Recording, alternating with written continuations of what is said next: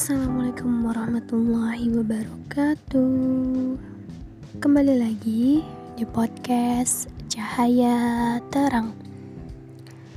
Um, kayaknya udah lama banget nih suara saya tidak menghantui telinga kalian.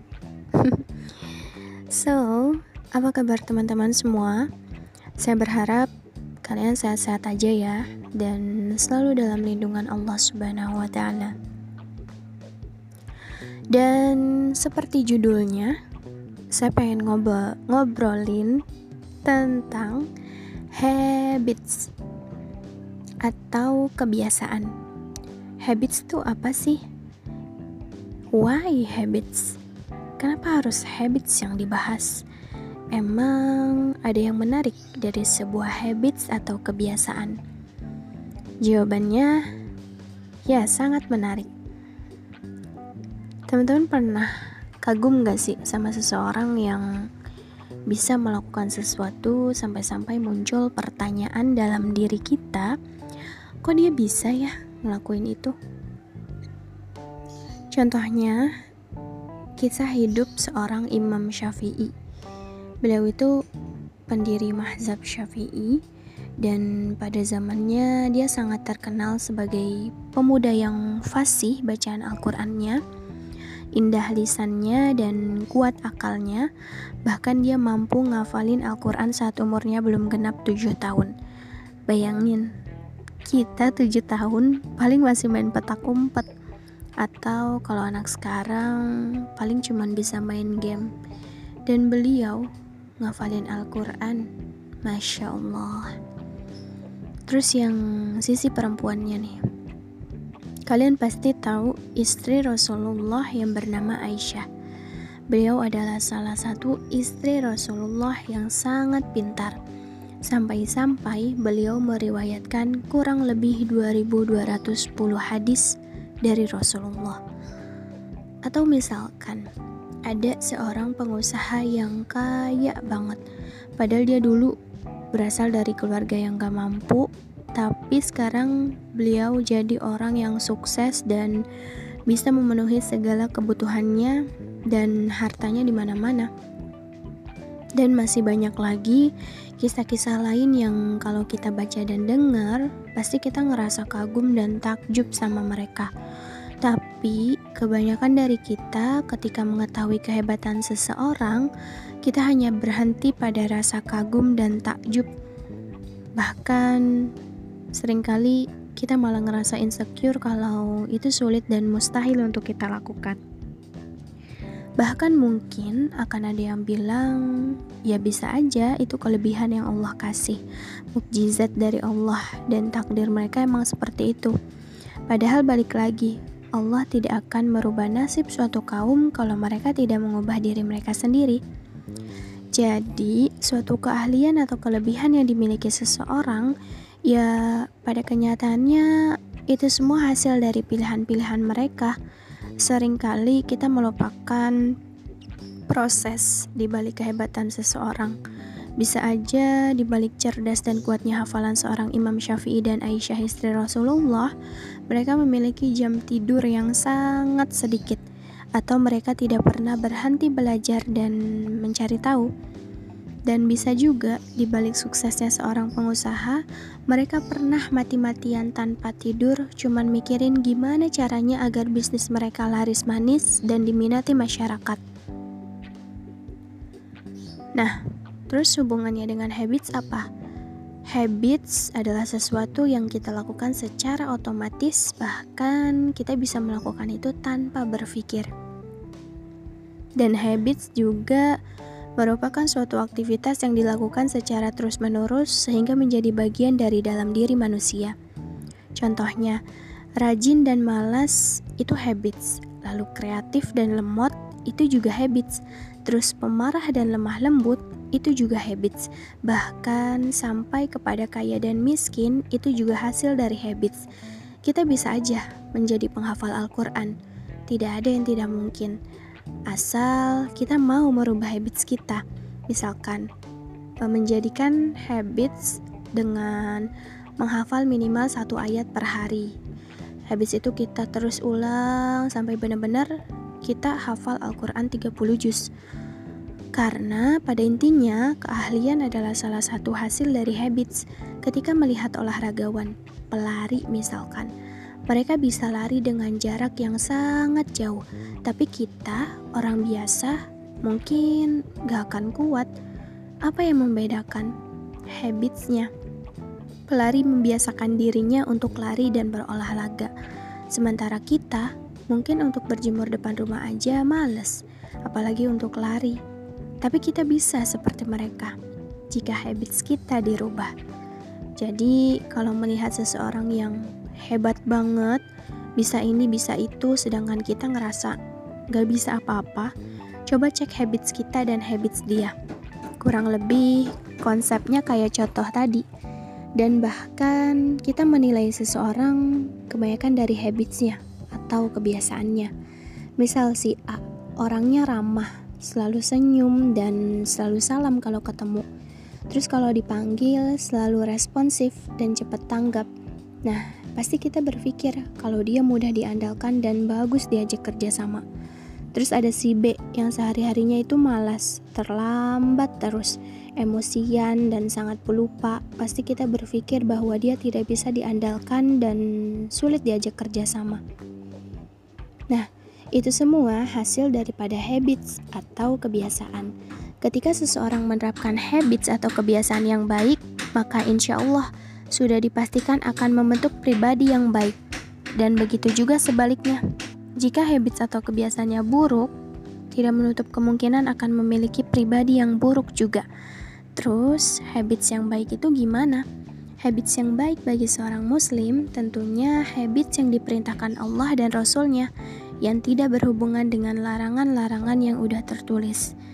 Gak usah jauh-jauh deh, misalkan menerapkan makan atau minum dengan tangan kanan dan lebih baik sambil duduk.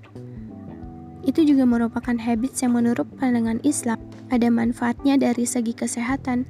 Bahkan Rasulullah pun sampai menyuruh umatnya untuk melakukan itu.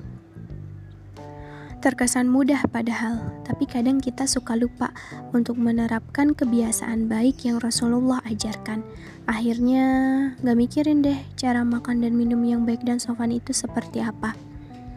Dan yang sangat penting dalam pembentukan habits atau kebiasaan adalah pengulangan. Ini adalah salah satu kunci agar habits itu terus kita lakukan dalam jangka waktu yang lama.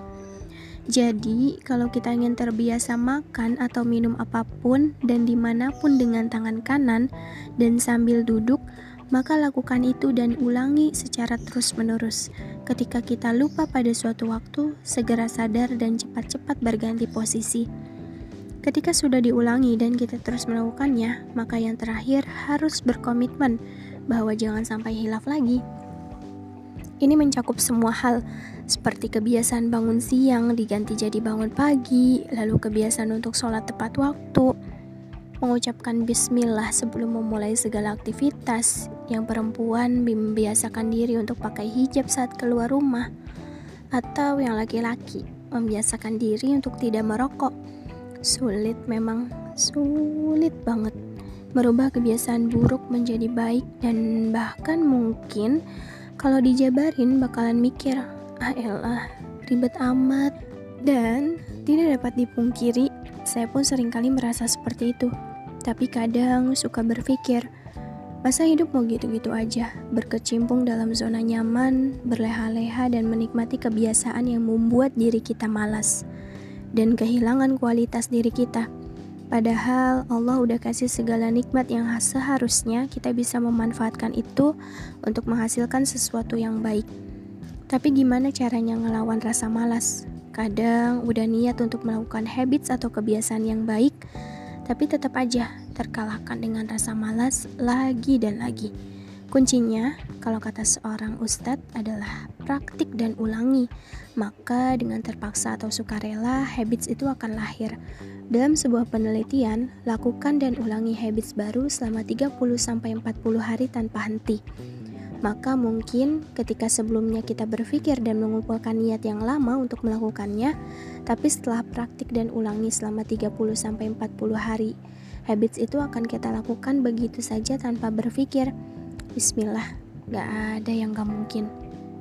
Terus, apakah kita harus mengupgrade semua habits atau kebiasaan-kebiasaan kita? Ya, enggak juga. Tetap be yourself. Jadi diri sendiri. Cukup upgrade dan ganti kebiasaan yang buruknya aja. Dan harus perlahan, satu demi satu. Lakukan dan ulangi. Seperti yang Rasulullah sampaikan dalam sebuah hadis, sesungguhnya amalan yang paling disukai Allah yaitu dikerjakan secara terus-menerus. Hadis riwayat Bukhari dan Muslim. Alternatif lain jika ingin menciptakan habits baru, yang pertama mulai dari hal yang kecil. Misalkan, ingin baca Al-Quran tiap hari, buat note di HP, Bismillah, satu lembar satu hari. Sedikit nggak apa-apa. Kalau udah terbiasa, percaya deh, pasti bakal naikin targetnya secara otomatis.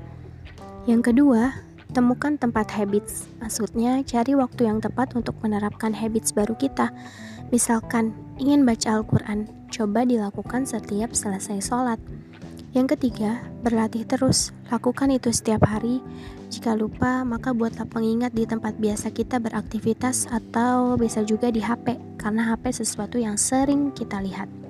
Bayangin deh, nikmatnya melakukan sesuatu yang udah jadi kebiasaan kita Tahu kan nikmatnya rebahan? Nah, itu habits.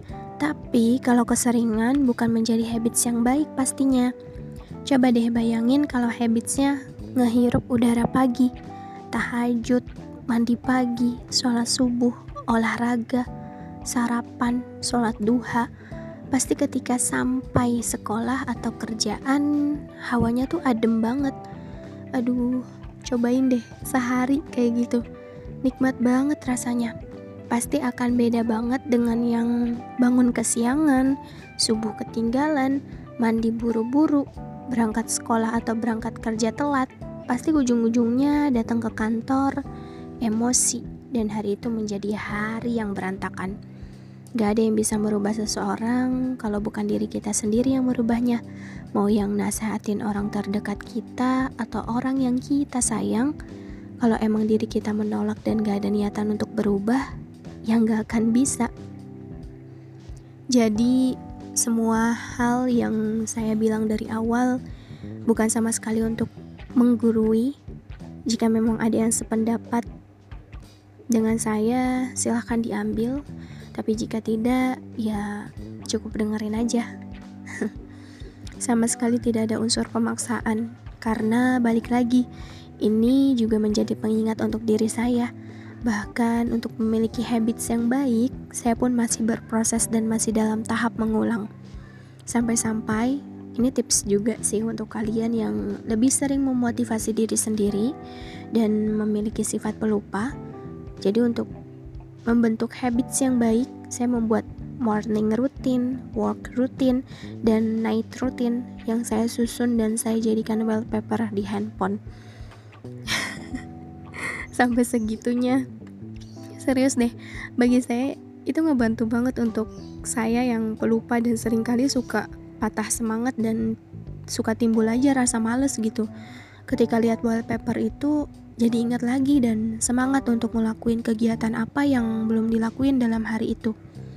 Jadi pada intinya mulai lakukan dan ulangi. Semua akan terbiasa pada waktunya. Cinta aja muncul karena terbiasa kan? Nah, sama kayak habits, rasa nyaman akan muncul jika sudah terbiasa. Semangat! Aduh, udah panjang banget nih saya ngomong. Tapi sebelum saya say goodbye, saya ingin mengajak teman-teman untuk sama-sama berdoa yuk. Karena yang kita tahu, Beberapa hari kemarin ada sebuah ledakan besar di Beirut, Lebanon. Kita doakan sama-sama semoga masyarakat di sana diberikan ketabahan dan jika ada korban yang tidak bisa diselamatkan, semoga Allah ampuni dosa mereka dan diberikan tempat terbaik di sisinya. Semoga jika ada korban yang luka-luka, Allah sembuhkan dan Allah berikan ketabahan kepada mereka. Tak lupa juga kita doakan saudara setanah air kita di Masamba yang terkena banjir bandang. Semoga Allah berikan ketabahan juga dan semoga kondisi warga dan kotanya segera pulih lagi. Dan jika teman-teman yang mempunyai rezeki lebih jangan lupa kita sama-sama bantu mereka dengan ikut donasi di lembaga-lembaga yang sudah membuka donasi untuk mereka. Teman-teman bisa lihat di aplikasi kita bisa itu ada. Kalian tinggal cari aja gampang banget caranya. Percaya deh gak ada ruginya untuk menyisihkan sebagian harta kita untuk orang yang membutuhkan semangat berbagi. Hmm, semoga Allah lindungi kita semua. Yang sakit semoga Allah angkat penyakitnya. Yang sehat Allah jaga terus. Dan yang jomblo semoga dipertemukan dengan jodohnya. Amin. Maaf banget kalau ada salah kata. Uh, dan maaf juga kalau suara saya agak berbeda dan kurang enak untuk didengar. Tapi semoga ada hal baik yang bisa diambil. Wassalamualaikum.